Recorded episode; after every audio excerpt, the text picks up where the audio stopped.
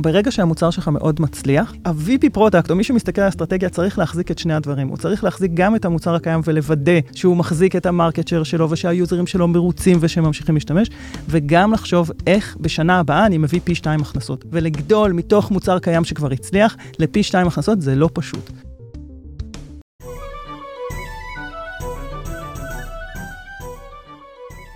ברוכים הבאים לניהול מוצר גרסת הבמאי, בוקר טוב יאיר, בוקר טוב, בני. בוקר טוב שלומית, בוקר טוב.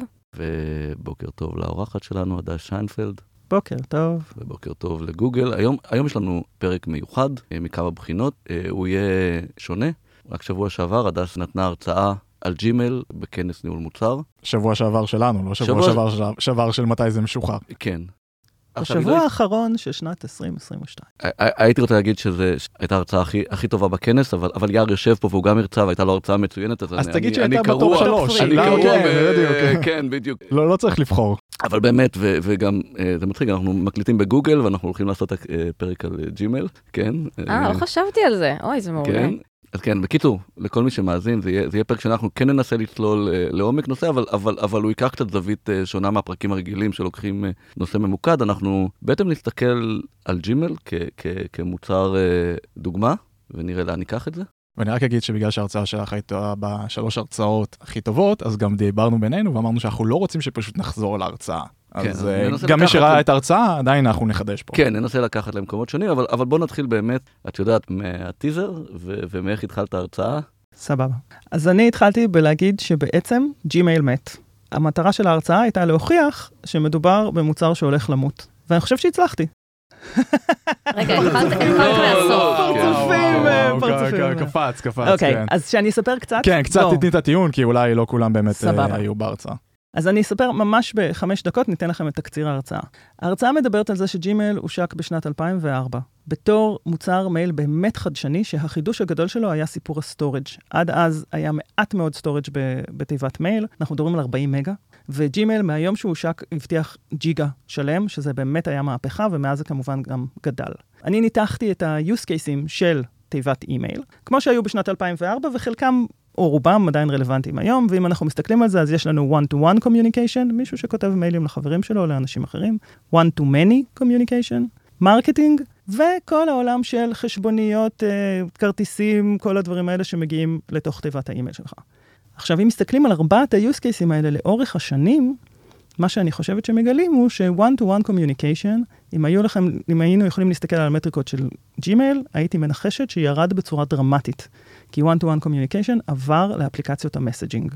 אנחנו עושים את זה בוואטסאפ, יש iMessages, יש הרבה כלים אחרים, ולדעתי אין כבר הרבה מאוד communication של one-to-one בתוך ג'ימייל. אם מסתכלים על one-to-many, אותו דבר. זה לא הלך לוואטסאפ, למרות שגם היום קבוצות בוואטסאפ לדעתי בגדילה משמעותית והם עובדים על זה. אמ, אבל זה הלך לכל ה social media. היום כשאני בטיול מגניב ורוצה לחלוק את התמונות עם החברים שלי, אני שמה את זה בפייסבוק, או באינסטגרם, או בטיק טוק אולי. אבל אני כבר לא כותבת מיילים. לא כותבת מיילים שמעדכנים את המשפחה שלי על הטיול המגניב עם התמונות. ולכן הטענה שלי היא ששניים מתוך ארבעת ה-use cases האלה כבר אינם בתוך האימייל.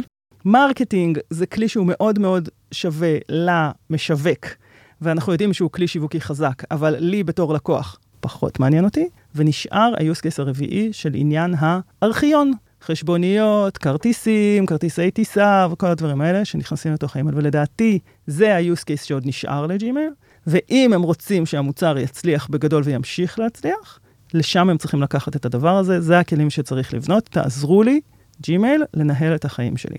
עכשיו, מעבר לזה, יש דיון שלם על זה שהם גם לקחו, ג'ימייל לקחו את המוצר לכיוון של ג'ימייל for Business, G Suite, אה, Workspaces וכולי, נדבר על זה.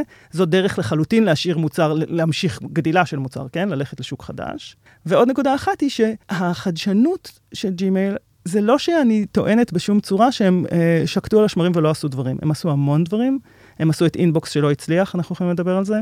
הם עשו, אה, הם, גוגל ניסתה לשחק במגרשים האלה של הסושיאל מדיה אה, ושל המסג'ינג, ניסתה הרבה ולא הצליחה. כלומר, יש הרבה הרבה דרכים לחדש אחרי שיש לך מוצר שכבר מגיע לכמעט שני מיליארד משתמשים, ואני חושבת שזה הדיון המעניין בעצם. בדיוק. אז uh, אני אגיד שאני מסכים עם הטענה שג'ימל מת, אבל אני אשים פה כוכבית, הוא מת לצרכן הפרטי, בתור B2C.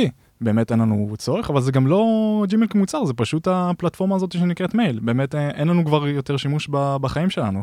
אבל מצד שני, ג'ימל כמוצר עסקי, הוא עשה פלאים, וגם את אומרת את זה בהרצאה שלך, הוא בעצם הציג ליוזרים העסקיים את כל הסוויטה הזאת של גוגל. גוגל סלייד, גוגל דרייב, גוגל שיטס, כאילו כל, כל שאר הכלים של גוגל, ובקטע הזה אני חושב שזה עשה להם עבודה מאוד מאוד מאוד מאוד מוצלחת. אפשר לנסות לדבר באמת על ה... במיוחד במוצרים מצליחים, ואנחנו מדברים על מוצר שהצליח בענק, איפה ה value העיקרי שלו? כי יש הבדל, דרך אגב, מאוד מאוד גדול אה, בין ג'ימל עסקי אה, לג'ימל פרטי. למרות שזה אותו מוצר, בפרונט. בפרונט זה אותו מוצר, מאחורה, אני אגיד שדווקא הרבה יותר קל למתחרה להחליף את uh, הגוגל העסקי את הגוגל הפרטי, למרות מה שאמרת בעיניי. אתה מסתכל, מה נשאר הערך העיקרי ומה, ו- ואיפה קשה למתחרה להחליף. כלומר, כשאתה מסתכל עליך בתור מנהל מוצר, אתה יודע איפה הvalue שלך, ואיפה אתה רוצה לחדש, ואיפה... אז, אז בגוגל עסקי, אבל הוא בסוף זה מוצר טוב עם המון המון סוויטה, אבל אם מישהו יכול לבוא עם כל הערך, אין לך שום סנטימנטים לגוגל, בסדר?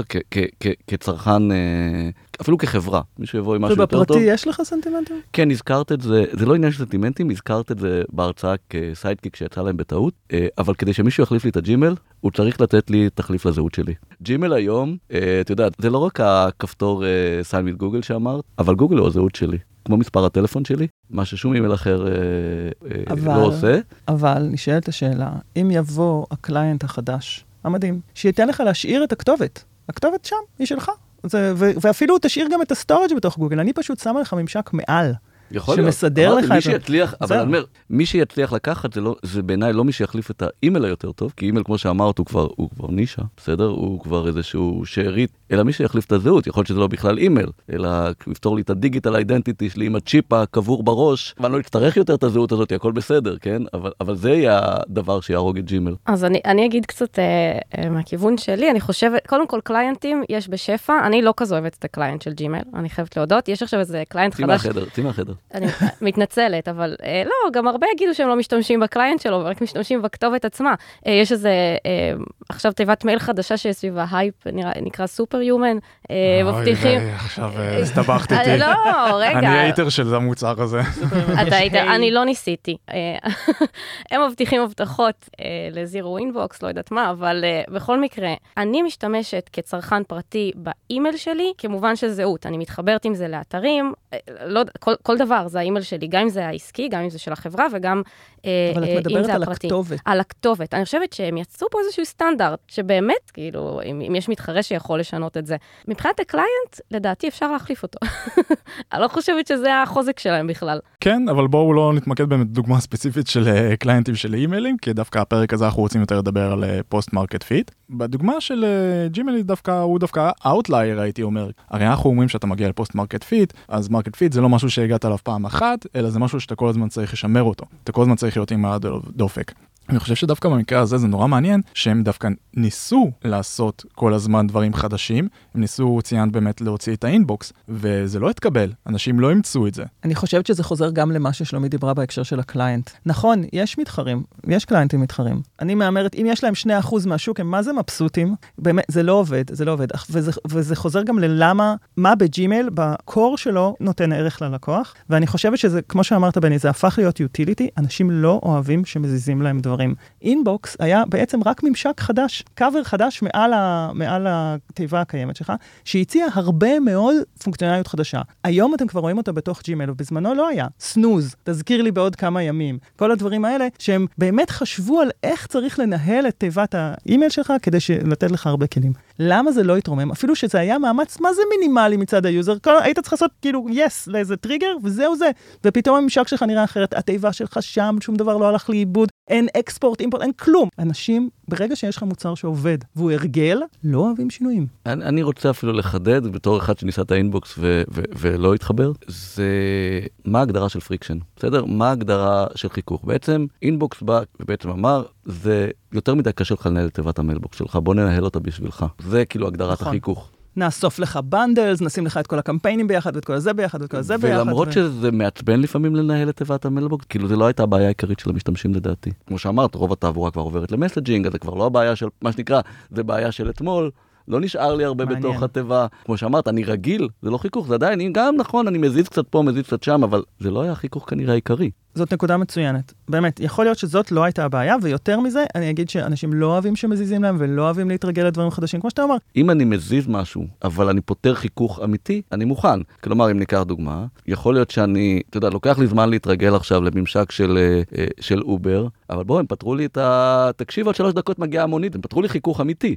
אגב, במוצר שלנו, ב- באקסוניוס, אז יש לי ממש אה, התלבטות עכשיו כמנהלת מוצר בדיוק סביב העניין הזה. יש לי איזה פיצ'ר שהוא ממש ממש מרכזי, אוקיי? זה כאילו ממש מרכזי במוצר, ו users מתים על הממשק הזה, ואני בתור מנהלת מוצר, אני לא מבינה למה. כאילו, זה באמת לא עונה לשום כלל, ו- ומשהו ב... וזה שהם פשוט התרגלו, ומתים על זה, ואנחנו לא נוגעים.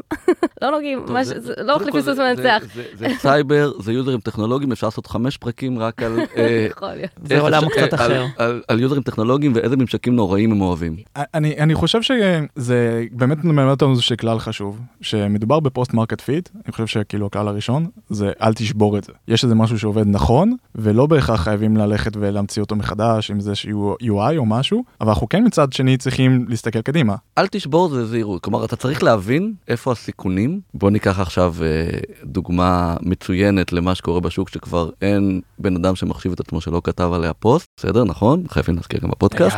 ChatGPT ברור ChatGPT נכון?. כן, וגוגל יושבים ואל תשבור, אתה יודע, וכבר, ו- והרי יש להם את הפתרון, ו- והם לא שוברים את ה search כי הוא- כי הוא חיית כסף, נכון? כן. ויכול להיות שזה יוכיח את עצמו, יכול להיות שלא, אל תשבור זה תלוי באיזה מצב. כל עוד אין disruption. אבל. בואו נעשה משחק תיאורטי רגע. אז בואו נסתכל למשל על Airbnb. Airbnb זה חברה שהגיעה ל product market fit, אבל מה, מה הם עשו בשנים האחרונות כדי באמת לשמר את זה? אה, אני חושב שהכיוונים שהם הלכו עליהם, כל ה experience וזה, הם כיוונים מצוינים, הם, הם, הם, הם קצת, אתה יודע, התרסקו, זה, הקורונה קצת שיבשה להם, אז זה באמת, אה, זה בעיה. בסדר, אבל שיב- שיבשה לכל תעשייה. זה בסדר, אבל, להם. אבל, אבל אתה יודע מה? אני רוצה לגעת נקודה, הנקודה היא בסוף, תראה, בסוף כשאתה, כשאתה במוצר, במיוחד כשאתה צריך innovation, בוא ניקח מוצר מצליח, אז יש לך לשפר את המוצר, ובסוף לזה יש איזשהו גבול, בסדר? כלומר, עכשיו אתה מסתכל על החברה, לגבול, וכל מוצר מצליח, בעצם צריך לחפש מה הדבר הבא אה, הגדול. בול. אתה, אתה בכל זאת מנחש כמו סטארט-אפ כלומר לפעמים זה יצליח אתה לוקח גוגל הם בסך הכל עשו עבודה טובה הם השיקו 7 messaging application לא הצליח להם בסדר אבל הם ניסו בכיוון הנכון הם פשוט עשו את זה לא טוב הם השיקו גוגל וורקספייס זה כן הצליח כלומר מתוך הניסיונות שלהם להשיק מוצרים חלק הצליחו חלק לא. אבל רגע, גם- אתה כבר שניהם, שני, שתי הדוגמאות האלה זה דוגמאות לבעצם מוצר קצת אחר. בדיוק. בוא, בוא ניקח צעד אחורה, מה שאמרת, 100%. יש לך את המוצר שלך והוא מצליח ממש. נהדר, נפלא, זה, זה, זה מדהים. עכשיו, יש פה שני כוחות שעובדים. אתה צריך להמשיך לגדול, ויש גבול, כמו שאמרת, לכמה אפשר לגדול מהמוצר הקיים. עוד יותר מזה, אני אגיד שיש את הכוח של התחרות. יש לך מוצר והוא נורא מצליח, תאמינו לי, מהניסיון שלי, זה קרה לי בקליקטייל. המוצר שלנו תפס, ואז הייתה, היה שלב, באמת הייתה תקופה, שכל בוקר דפקו לי על הדלת ואמרו לי, ראית את זה, ראית את ההוא, ראית את ההוא, מתחרים כל הזמן, מתחרים שמנגסים כל פעם בחתיכות קטנות או גדולות של המוצר, והם אומרים, אנחנו עושים מה שקליקטייל עשו רק ב-50% מחיר. אז זה סוג אחד, ואתה אומר, איך אני יכול להמשיך להגן על הטריטוריה שלי ולהמשיך לגדול שם? לא אני חושב ש... רגע לא לא אני חושב שזה מה שאמרת על להגן על טריטוריה זה כבר משפט בעייתי כי מה שאני רוצה כחברה עכשיו כמוצר זה להמשיך ולהגדיל את ה revenue שלי בסדר אז כשהטריטוריה שלי טובה בסדר המוצר הזה מצליח אז.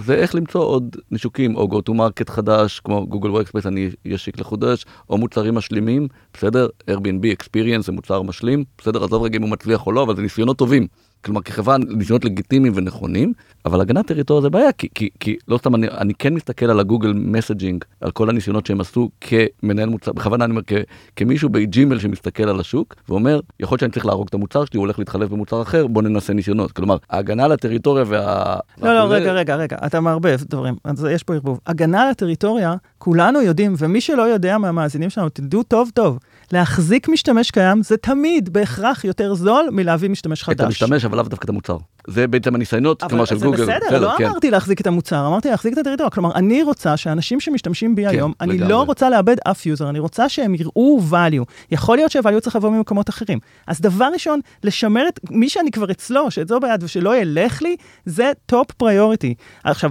שוב, יש מתחרים, הם כל הזמן מנסים לנגוס, אז איך אני עומדת בדבר הזה?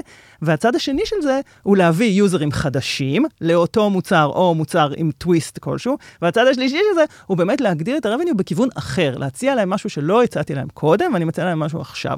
אני חושבת ש-Airbnb זו דוגמה נהדרת, כי אנחנו יודעים שהם, מי שעקב, הם ניסו להתרחב מאוד, באיזשהו שלב הם דיברו גם על להחזיק חברות תעופה, עם שיתופי פעולה וזה, וטיסות, וה-experiences וכל זה, באמת המנכ"ל שם בנה כמה תתי חברות עם כל כל מיני רעיונות, ואז הגיעה השנה שעברה על כולנו, והוא החליט לצמצם ולחזור לקור, והם לקחו את המוצר הקיים שלהם ואמרו, אוקיי, זה לא סתם שאנשים באים לחפש אה, את החופשה שלהם או את הדירה ב... לא יודעת איפה, אלא יש לנו כל מיני נישות פה בפנים. אתם ראיתם, יש להם עכשיו, אני לא יודעת עד כמה בארץ, מי שמחפש בחו"ל, יש להם ממש אה, סגמנט כזה של חופשות ביזאר. הם לא קוראים לזה ביזאר, אבל זה ביזאר, כאילו בצוללת מתחת למים, בבית עץ, כן. בדיוק, כל הדברים האלה. אומרים, בוא נלך לנישה, בוא ניקח את היוזרים שעד היום לא באו ל-Airbnb, כי הם אומרים, לא מעניין אותי, אני הרפתקן, אני עושה דברים מיוחדים, ונפנה אליהם. זה הרחבה של השוק. זה הרחבה של השוק, זה ללכת לנישות שלא, שלא היו שם קודם. אבל זה מהלך פרודקטי או שזה מהלך מרקטיאלי? כי אם באמת הם התחילו בהתחלה בתור להגיד אנחנו מביאים לך מקום לישון, כי באמת הם התחילו עם אה, בוא תיקח בת, אה, בתור שותף אה, רביעי על מיטה מתנפחת, אז עכשיו הם יותר מדגים את עצמם כי באנו לייצר לך איזושהי חוויה הוליסטית, כאילו בוא תראה את העולם, תחווה אותו כמו בן מקום, או בוא תראה איזושהי חוויה ייחודית בבית על העץ. יאר, מה זה פרודקטי? זה, אנחנו צריכים לחשוב על הכל. לא, לא הבנתי את השאלה הזאת, כאילו, לא, אבל זה כן... לא, כי המוצר הוא בגדול אותו מוצר. בסוף אתה מזמין לינה. זה לא, החוויה שם לא השתנתה כל כך. מה זה משנה? לא, לא, אין דבר כזה. ה marketing יכולים לעשות מעט מאוד בלי product מאחורי זה. זה חייב להיות package שלם. אני אתן לך אפילו בדוגמה הכי קטנה. הדף הבית נראה אחרת. דף הבית נראה אחרת, החיפוש נראה אחרת, הם ממש בנו את כל החיפוש מחדש, כדי להוביל אותך למקומות שהם רוצים להוביל אותך, כדי לענות לצרכים שהם, רוצ, שאתה, שהם רוצים שתענה להם. הסיפור הזה של, שוב, חוזרת לעבר שלי ב ClickTale, אנשי המכירות ביקשו ממני המון המון זמן לעשות ClickTale for fintech. אמרתי להם, עזבו אתכם, היוזרים שלנו לא סתומים, הם, מה ש ClickTale נותן, הם רואים, הם רואים את כל הדאטה וכל זה. הם אמרו לי, לא אכפת לי, תעשי dashboard חדש, שיהיה כתוב למעלה ClickTale for fintech, ותשימי שם רק גרף אחד אחר, לא את זה שיש למטה, את זה שיש למעלה, ואני אוכל למכור את זה כ ClickTale for fintech. והייתי סתומה, ואמרתי לא, והייתי צריכה להגיד כן, מה אכפת לי? עבודת פיתוח של, של, של, של web של, לשבועיים, ויהיה לנו bundles, והם יוכלו למכור את זה. אין, הם לא יכולים לעשות כלום בלעדיך, לא, זה, אין דבר כזה שזה marketing. אז אולי אנחנו מזלזלים בשינויים קטנים? א', כן. אה, כי כמו שאתם אומרים, זה היה קצת לשנות את החוויה, אבל, אבל קצת זה, לשנות את ה flow של ה user שמגיע ל-Airbnb. זה, זה להבין מה, עוד פעם, מה ה friction, מה הערך מאחורה, לפעמים זה שינוי קטן, לפעמים זה שינוי גדול, עוד פעם אם נחזור להרצאה של הדס, לעבור מגוגל ל-end users לגוגל ל-workspace, זה לכאורה אותו, זה אותו ממשק לגמרי, אבל יש שם עוד 80 אחוז חוויית onboarding ל admin של ה enterprise שהיא שונה לגמרי, נכון? כלומר, אתה רוצה להתחבר לג'ימל כ client, זה טיק טיק טיק, התחברתי. אתה רוצה אה, להתחבר ל enterprise, יש פה, אתה יודע, ארגון שלם לשכנע, לתת privacy, אה, לתת security, לתת... אה, אם צריך archive, להעביר מאיפה שהיית קודם. לתת, כאילו, נכון, יש פה, יש פה יותר, אז, אז עכשיו, כלומר, בסדר, זה ניתוח מוצרי, עכשיו, אוקיי, אני רוצה לעשות go to market אחר. בסדר? מה ה value שלי פה, איך אני מעביר אותו, לפעמים זה דף אחד, לפעמים זה... מוצר חדש. אז שלומית, את בחברה שהיא post market fit, ספרי לנו קצת מבפנים איך זה נראה. מה, מה עושים? יש, יש מוצר הדגל שכאילו כן, אז יש לנו את המוצר דגל שהלקוחות באמת מתים על זה. כאילו אני, עכשיו אני אגב אחראית ממש על, ה, על החלק הזה במוצר, של אה, שימשיך אה, לרצות באמת את הלקוחות. לא לשבור.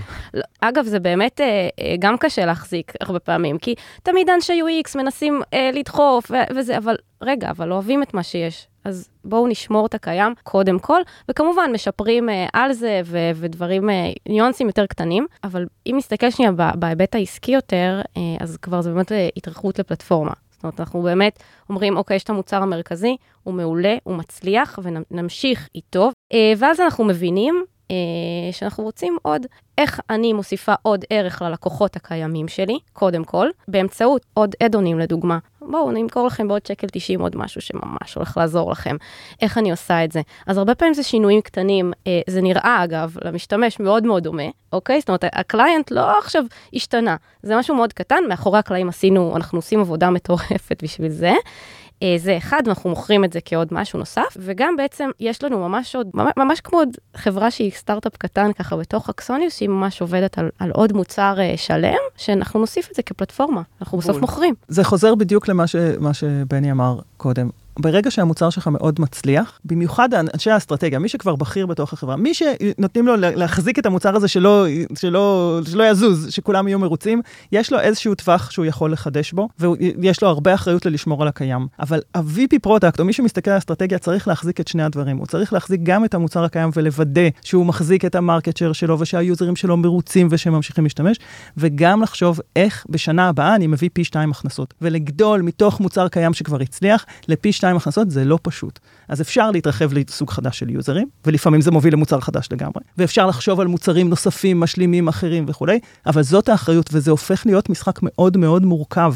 אפילו ברמת הניהול של הצוות, מביאים את האנשים שיתעסקו בדבר החדש והנוצץ, לעומת מי שצריך להחזיק את מה שקיים, זה לא פשוט. זה מאוד שונה התהליך הזה בחברה גדולה לחברה קטנה. כי, כי התהליך הוא אותו תהליך, אבל בחברה כמו גוגל, דרופבוקס, אה, כל החברות גדולות, כלומר בסדר, בסוף יושב מישהו חושב, אני רוצה לקחת את המוצר הזה עם הוואלד שלו ללכת לעוד שוק, יאללה, מקימים עוד 15 אה, קבוצות. באמת, מי שמתעסק ביום יום במוצר, זה לא משפיע עליו. בסטארט-אפ קצת יותר קטן, 100 איש, 200 איש, לא משנה. אם הוא רוצה לגדול, הוא לא יכול להישאר במוצר הזה. כלומר, סטארט-אפ שרוצה לעלות לשלב הבא, חייב להסתכל עוד, או עוד go to market או עוד מוצרים, ושם זה תמיד, כמעט, על חשבון המוצר הקיים. כלומר, אתה ממש צריך לעשות החלטות קשות, כאילו, ולהסתכל כמה אני יכול טיפה להקריב במוצר הקיים, כדי להכניס עוד טרים שלם של revenue. עוד זה, זה, זה, זה משחק קשה. אז אתה יודע, אז אני כאילו מריץ לעצמי כל מיני דוגמאות של חברות שבאמת עשו את הגדילה הזאת, ואני, מה שאני מציע עכשיו שמשותף הוא שהם דווקא לא בהכרח מספקים לך באדונים או במוצרים הנוספים את החוויה הכי טובה או את המוצר הכי טוב, כי כנראה יש נטייה לעסק שרוכש מוצר, שהוא דווקא מעדיף לקבל סוויטה של מוצרים ביחד, מאשר לקבל את ה-best of breed. כאילו הוא מעדיף לא ללכת ולהרכיב, כאילו לקחת את המוצר הזה מהחברה הזאת שמתמחה בזה ואת המוצר הזה מהחברה שמתמחה בזה, אלא הוא מעדיף לקחת את זה חברה אחת, שתיתן לו כמה שיותר מוצרים שהם יהיו בסדר.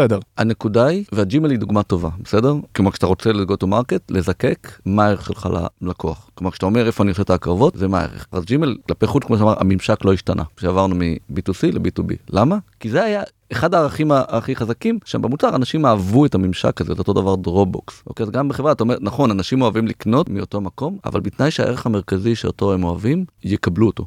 אתן דוגמה מהעולם שלי, בסדר? אתה יודע, אנחנו מגינים ב security על אימייל, על cloud storage, על uh, מה שונה, אנחנו נותנים בעצם שירות. יש לנו uh, צוות שלם של incident response, אנחנו נותנים שירות מלא ש, שמגן על הלקוח, וזה כלי חזק. אז גם כשאני עובר עכשיו, אתה יודע, וקנינו לפני חצי שנה חברה של web security כדי להרחיב את זה בעצם ל browser, אז אומרים לקוחות, אומרים להם, תביא משהו עם detection יותר טוב משהו, אני, אני ישר עובר אליך. למה? כי אני אוהב את השירות שלך, אני יודע שכשאתם תעשו אני אקבל פה uh, level אחר uh, של טיפול בי, אוקיי? וגם הוא לא יצטרך לאשר עוד ספק. או, ו... נכון. אז יש פה שני חלקים. אני חושבת שמה שאמרת, יאיר, מחולק לשני חלקים. אחד, מהצד שלי כש, כמפתחת של, מוצר, של המוצר הבא, הסיבה שהמוצר הבא הרבה פעמים הוא קצת פחות טוב, או קצת, או לא עושה, היא קודם כל שזה בעצם, אנחנו מרימים מוצר. יש פה עוד פעם 0 to 1, ויש פה הרבה פשרות שצריך לעשות בדרך, וכמו שבני אמר, לאזן את זה מול ההשקעה במוצר הקיים. אז דבר ראשון, בהכרח, המוצר החדש, הוא עוד יהיה rough, אין מה לעשות. מהצד של הלקוח, זה מעגל מאוד מעניין שרואים אותו שכל הזמן של bundling ו unbundling, bundling ו unbundling. כי ברור שה-CFO של החברה, וגם ה-COO, מעדיפים ספק אחד, שייתן לי כבר את הכל ביחד, החשבונית תהיה אחת, האחריות תהיה אחת, אני לא צריך את כל ה... את כל הבית... דרך אגב, גם, גם אם הבייר הוא טכני, אז גם הוא מעדיף, כי הוא לא צריך ללכת ל-CFO ועכשיו לאשר עוד ספק. הוא מעדיף עד הנקודה שבה מגיע ה-best of breed שממש שייני ומהמם, והוא אומר, טוב, בשבילו אני אעשה את המאמץ. בשבילו אני אעשה את המאמץ. ואז נשאלת השאלה, כשאתה, בתור מנהל המוצר, בונה את הסוויטה שלך, האם אתה בונה את הדבר המדהים, המבריק הזה, שבשבילו אנשים יעברו אליך, או שאתה מונה, בונה את התוספת הזאת, שתאפשר לך לדרוש יותר כסף מהלקוח, ותגדיל לך את הפאנל, אבל אתה יודע במודע שזה לא הדבר הגדול, ודרך אגב, זה עוד פעם אחת מההחלטות שצריך לקבל. שוב, היה לי מקרה שבא איש המכירות ואמר לי, אם רק נוסיף שני פיצ'רים, אני אוכל להגיד שאנחנו גם פתרון ל-X, וישלמו לנו על זה פי שתיים. ואז אתה צריך לבדוק האם באמת באמת אפשר להוסיף שני פיצ'רים קטנים ולטעון לפחות שאתה מכסה את הניד המהותי של הלקוח, או שאיש המכירות, סליחה, אבל בכלל לא מבין איזה ביצה מטורפת יש שם, ואי אפשר רק לשכשך בה איזושהי רגל, ומדובר על להיכנס לעולם חדש שאתה, שוב, צריך להחליט אם אתה הולך לשם או לא. ואיזה value אתה יכול לתת שמתחרה שנכנס רק בנישה לא יכול לתת. כלומר, הרבה פעמים ב bundling של מוצר, מעבר ל basic, בסדר שאתה חייב לתת, אתה יודע, לא רק ל-CFO שרוצה חשבונית אחת. כלומר, תסתכל על ג'ימל ו Google Sheet, וכלומר זה לא רק כל מוצר בפני עצמו, אלא החיבור ביניהם. כלומר, מה שאתה יכול לתת, כי אתה מתחיל לתת כמה מוצרים לאותם אנשים אוהבים, בסדר? זה אחד ה value שיכול להחזיק אה, לקוחות. הנה, אנחנו מגיעים לעולם הפלטפורמה. זה בדיוק. כן. מה ההבדל בין כמה מוצרים לפלטפורמה, ש... הפלטפורמה, יש בה איזו תשתית אחודה, ויש ערך לעצם זה שהם כולם באים מאותו בית, או, או משהו שם באיחוד שלהם make sense ונותן ערך מעבר לכל אחד בפני עצמו. אני חושבת שגם כשחברה יוצרת לעצמה איזשהו ביסוס, איזשהו שם, ואז היא באמת מוסיפה את המוצרים הנוספים האלה, הרבה יותר קל לה בסוף למכור אותם, והרבה יותר קל באמת ליוזרים קיימים, ומפה לאוזן גם חדשים, אה, להיכנס לזה. אז אם אני יכולה שנייה לנסות לסכם כזה את מה שאמרנו, אז אני לוקחת מזה, קודם כל, זה שביססתי את עצמי כאיזושהי חברה עם מוצר טוב ומנצח, לדוגמה ג'ימייל, אה, ובאמת על זה אני יוצרת איזשהו trust עם הלקוחות שלי, ואני מוסיפה על זה עוד מוצרים שיכול להיות שהם קיימים כבר בשוק, ובאמת הם יבואו אליי, והם יבואו אליי לא רק בגלל המוצר, אלא גם בגלל השם שיצרתי עצמי, ובגלל השירות אולי שאני נותנת כחלק מחברה, ואז בעצם ככה אפשר להתרחב. אבל אני כן רוצה לשאול ולקחת, את התחלת אה, בתחילת הפרק להגיד שאת חושבת שג'ימייל עומד למות דווקא, אה, ודווקא מהמהלכים העסקיים שלהם עד עכשיו נראה שהם אה, פועלים נכון, ועם קצב השוק. למה בעצם? כאילו, מה הטעות? לא, אולי, הסיפור הוא... יכול להיות גם שאין, אה, ואת לא חוזה את העתיד, כן? אבל בוא נדבר על זה קצת. הסיפור של ללכת ל-Workspaces ולגוגל for Business הוא בהחלט החלטה, ודיברנו על זה, יש, יש לזה אה, השלכות עוד מעבר לניהול המוצר של ג'ימייל, כן? זה שג'ימייל קיבל ערימה חדשה של לקוחות. גם לגוגל כ business יש לזה משמעות מאוד מאוד גדולה. תחשבו על זה שזה מהלך בכלל שיוצא מעולמות הפרסום, כן? זהו, זה לא, זה לא היה חלק מה vision שלהם שהם עשו את ג'ימייל. שזה בעצם זה יהיה להם... פתח דלת. פתח דלת, בדיוק. מטורפת למוצר מסוג חדש לגמרי, שעכשיו משלמים עליו כסף שהוא לא עובר דרך הפרסום. כלומר, מבחינת גוגל, ללא ספק הסיפור הזה של ג'ימייל הוא הצלחה, והוא מוביל להצלחות הבאות. אני הסתכלתי רק מהפרספקטיבה של ה consumer. אם אנחנו אומרים שעולם האימייל הולך למות, באמת, האימייל הוא, הוא, הוא באמת, הוא, הוא מגיע למקום הזה שהוא באמת רק, רק הארכיון שלנו, אנחנו מקבלים לשם חשבונות וחשבוניות וכרטיסים וכולי, ואנחנו רוצים להחזיק את ג'ימייל for consumer, יש לנו פה בעצם שני אלמנטים שעובדים טוב, הסיפור הזה של הארכיון והסיפור של הזהות. שניהם בעצם מובילים את ג'ימייל לעולם אחר. נכון. לעולם אחר. הארכיון עדיין מתבסס על זה שדברים נכנסים, על, על המכניקה של, של, של communication. נכנסים דברים ואז את בונה מעל זה. הסיפור של הזהות בכלל לא קשור ל storage, ל-communication. כן, זה ה Web שלוש. זה משהו אחר. אני רק אגיד, הזהות, אנחנו מתכוונים פה לכוונה של sign in with Google. בדיוק. לזה שהכתובת מייל שלי היא הזהות שלי בעולם ה... שזה גם ייעלם, כאילו עם כל ה Web שלוש וזה יכול להיות ש... או, זה גם או, ייעלם. או. אבל זה כבר סיפור אז אחר. אז אני חושבת, וזה לא סיפרתי לדעתי בהרצאה, שיש פה הזדמנות מאוד מאוד גדולה לגוגל, כי זהות עדיין תצטרך להיות. לא משנה אם אנחנו בעולם ה-Web 3 או במטאוורס, זה, מישהו יצטרך להגיד, לאשר את העובדה שאני הדס שיינפלד, ויכולים להסתובב עוד 100 אנשים עם הפרצוף שלי, את שלי לא ירצו, עם הפרצוף של תום הנקס, אוקיי? ולהגיד, אני תום הנקס, אני תום הנקס, אני תום הנקס, ואיך נדע מי תום הנקס? זה שיש לו וי כחול. כל הסיפור הזה של הזהות, זה או, וי כחול 8 דולר ותהיה תום הנקס מחר. אבל כל הסיפור הזה בעיניי, יש בו פתח למשהו חדש לחלוטין. שוב, הוא לא על communication, זה לא על אימייל, אבל לגוגל יש שם כבר חתיכת נוכחות. וזו שאלה מעניינת בתוך הסתכלות מוצרית. ברור שיושבים אנשים בגוגל ומסתכלים על מוצר, על מוצר האימייל שלהם ואומרים אה, מה הסכנות. עזבי רגע אם הם יצליחו להימנע מהם או לא, אבל הם בטוח עושים את הניתוחים האלה ולאן המוצר, ואם בכלל יושב ואומר, רגע, יש לי פה מוצר של זהות, ומה הסכנות שלו. אז שיקשיבו לפודקאסט. כן, נשלח את זה לאנשים מגוגל, נראה, נראה לאן זה ילך. אני, אני, אני אספר משהו מה, מהניסיון שלי בגוגל, אני חושבת שהוא מאוד מאוד מעיד, וזה publicly known, אני חושבת שסונדר גם אמר את זה בעצמו. מישהו שאל, בגוגל יש אה, כאלה TGIFs מאוד אה, ידועים, אה, ישיבות all hands כאלה שיושבים שם הפאונדרים והמנכ"ל, ומישהו שאל משהו, אני לא זוכרת, על הסיכונים, על הסכנות שיש, איך אנחנו רואים, החברה כל כך גדלה, מה הסכנות העיקריות שסונדר המנכ"ל רואה. הוא אמר, חבר'ה, אני התחלתי בגוגל, כשגוגל ויאו היו באותו, באותו קו. כן. אתם לא צריכים להזכיר לי מה הסכנות. אני יודע, וזה, יש שם אנשים חכמים. אבל לא, שאלה מעניינת, באמת הם הגיעו לשני מיליארד אה, משתמשים, יש לאן לגדול מזה? זאת שאלה מעולה. אני חושבת שזאת בדיוק הנקודה, שהגדילה לעולם ה business היא גדילה מסוג אחד, ולדעתי הגדילה הבאה היא לא בעולם של אימייל communication. היא צריכה ללכת למקום אחר. זאת בעצם הנקודה. אז בנימה הזאתי, נראה לי שלמדנו הרבה על post market fit והאם ג'ימייל הולך למות או לא. אני רוצה לגעת בנקודה, דווקא בגלל שהמאזינים שלנו רובם אה, הם, אה, אתה יודע, אני מניח הם מנהלי מוצר ולא VPs. בסוף המנדט של מנהל המוצר הוא לא לחפש עוד מוצרים חדשים, לפעמים הוא מקסימום יכול לבוא איזה input למנכ"ל או ל... לא VP, אבל מה יש למנהל המוצר שמתעסק ביומיום במוצר, לקחת מההרצאה הזאת ליומיום שלו? שאלה מעולה, מעולה. וזה נכון שהרבה פעמים כשאת מנהלת מוצר בתוך קבוצה, בתוך ארגון, בתוך חברה, ה-VP יושב במאונטן ויו במרחק 10 שעות timezone, אה, ההשפעה שלך היא מאוד קטנה. את לא, את לא הולכת להוביל עכשיו את המוצר לכיוונים אחרים. אבל אני אגיד כזה דבר, אם את רוצה להיות מנהלת מוצר אלופה, זה שבכלל תביא את הדבר הזה לדיון, אצלי זה מוסיף מלא נקודות. אני מסכים. חשבתי על זה, האם אנחנו בכיוון הנכון, להביא רעיונות, להתחיל לגלגל דברים. יכול להיות שאת לא תקבלי על זה את כל הקרדיט, יכול להיות שזה ייקח שלוש שנים, יכול להיות שאיזה VP אחר יש, יעמוד על במה ויקבל את כל הקרדיט על הרעיון שאת התחלת לגלגל, אבל התרגיל המחשבתי הזה, והעובדה שהתחלת לעשות את זה, אז זה רמה ראשונה. אז אולי אם רק נרחיב את זה, כן, להסתכל על בגדול פיצ'רים שאני עושה, והאם יש להם איזשהו פוטנציאל, לנסות לזהות אם יש להם פוטנציאל לגדול למשהו אחר. זה יכול להיות ל-value יותר מטורף למוצר שלי, או זה יכול להיות למוצר חדש, אבל זה משהו שאנחנו לא עושים הרבה ביום יום. כלומר, כן. מפתחים פיצ'ר, הוא פתאום מקבל איזה זווית אחרת, ואנחנו לא יושבים ומסתכלים ואומרים, רגע, אולי יש פה הזדמנות. ובוחנים את זה, כן, מסתכלים באמת ברמה אסטרטגית יותר. אגב, אני אגיד גם באמת הסיפור של האדונים ככה אצלנו, אז, אז כמובן שזה לא משהו שנבנה ביום אחד, וכבר משהו שנמצא לנו בראש כבר די הרבה זמן, ואני זוכרת שגם בתחילת התהליך, בדיוק הייתי בתואר במנהל עסקים, ואז למדתי קורס של חשיבה יצירתית שיטתית, וזה קורס מטורף. למדתי ממש לחשוב בצורה שיטתית על איך אני מפתחת מוצר קיים, ובעצם אני, איך אני עושה טוויקים קטנים, שפתאום הוא שונה. ולי זה עזר להגיע לחלק מהרעיונות לדברים שיש לנו היום. אגב, מה שאמרת, ואני מנהלת מוצר פשוטה, כן? לא איזה ויפי, לא זה, אבל באמת לאט לאט מגלגלים רעיונות, וזה עוד אנשים שומעים על זה, ואז זה מגיע בסוף למשהו, וזה כיף וזה מדהים, ואפשר, וברור שיש השפעה גם כשאתה פשוט אה, לא VP.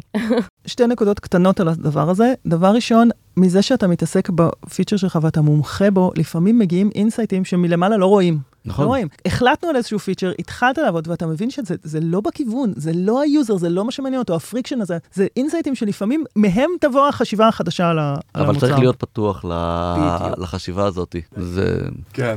כן. צריך זה... להיות פתוח לחשיבה הזאת, זו נקודה מצוינת. והדבר השני הוא, תרגילים תיאורטיים זה כיף חיים. תראו, האם, האם בארגון שלכם יושבים פעם בחודש לשעה מנהלי המוצר, וחושבים על... על מוצרים אחרים. בדיוק. כן. פתחו את העיניים. לא רק המתחרים, זה לא חייב להיות אפילו ב, ב, ביומיום שלכם. מתחרים זה מגניב, ולנתח מה הם עושים סבבה, אבל בואו נלך רחוק, לכיוון אחר, ולפתוח את הראש, אפילו אם זאת התרומה שלך, מנהלת המוצר הקטנה בתוך הארגון, ויזמת את הפעם בחודש הזה, והבאת מוצרים מעניינים וזה, קודם כל עשית לעצמך שם טוב, חבל על הזמן, וחוץ מזה, דברים טובים קורים כשאנשים חושבים. זה נשמע מה זה כיף לעשות off site כזה? למה off site? שעה, שעה בחודש. לא, הלכתי ל off site בים, רגע, מה?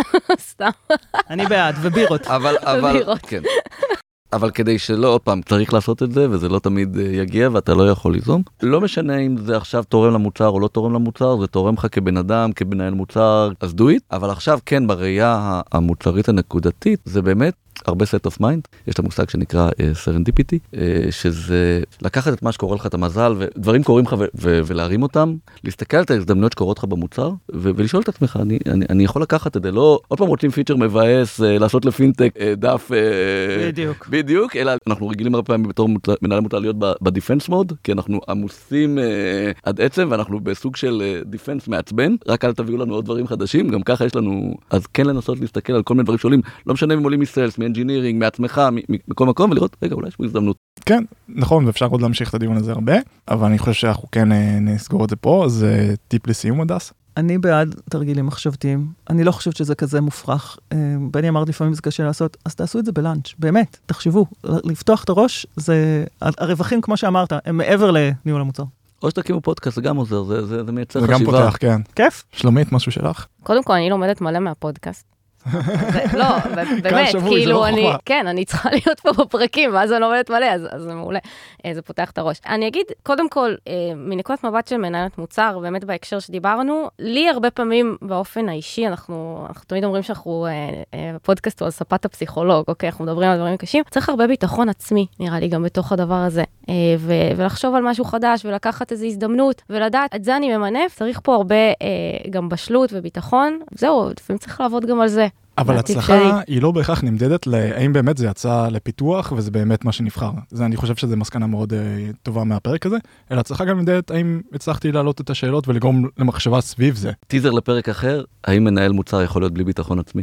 אני אמרתי לך, אז רציתי חייבים. לעשות על זה פרק. אני חייבים. חייבים פרק. רציתי אבל לעשות זה התשובה היא פרק, לא, אני אעשה לא, אותו. התשובה היא לא, אבל אפשר לעשות את ואז סיימנו. את הפרק. נו. אבל לא, לא, השאלה היא איך, איך מייצרים את הדבר הזה. אני כתבתי פוסט, אני לא כן. יודעת אם ראית את הפוסט שלי על, הסיפור הזה של ניהול פגישה מורכבת. כן. זה גם חלק מהעניין. ברור. זה בדיוק זה. יושבים בחדר שבעה אנשים, לכל אחד יש דעה, הוא מוכן ללכת איתה לקרב, ומנהלת המוצר צריכה לס- לסגור את הדיון, שכולם יצאו מבסוטים, ושייצא כמו שהיא רצתה. טוב, יאיר רוצה להרוג אותי, הפרק צריך להיגמר, אנחנו פתחנו פה עוד חמישה פרקים חדשים, יהיה מעניין. נדבר על זה. יהיה- עוד פרקים. אני רק אגיד אז אה, דבר אחרון שלי איזשהו disclaimer קטן קצת דיברנו על העניין של לשנות UI אני רק אגיד שנכון לא צריכים לעשות לזה המצאה מחדש אבל מאוד מאוד מאוד מאוד חשוב לשמור את זה עדכני אחרת אחרי כמה שנים זה ייראה ל user מיושן ויכול להיות שרק על עצם זה הוא ירצה לעזוב אז תשימו לב למשל דוגמה של ג'ימייל שאנחנו תמיד משתמשים בה כל הזמן מכניסים שינויים קטנים כדי לעשות את זה קצת יותר מודרני קווים יותר עגולים צבעים אחרים המון המון שינויים קטנים אבל לא משנים משמעותית את הקומפוננטות הם מזיזים אותם דברים כאלו. חשוב לא- כן לא- משהו לא להישאר מאחור. בדיוק. כן אז אה, אני לא רוצה שזה מישהו יחשוב לא לגעת ב-UI UX אלא לגעת בצורה שהיא מדויקת. אז אה, בנימה זאתי תודה רבה הדס תודה רבה לכם נשתמע בפרק הבא.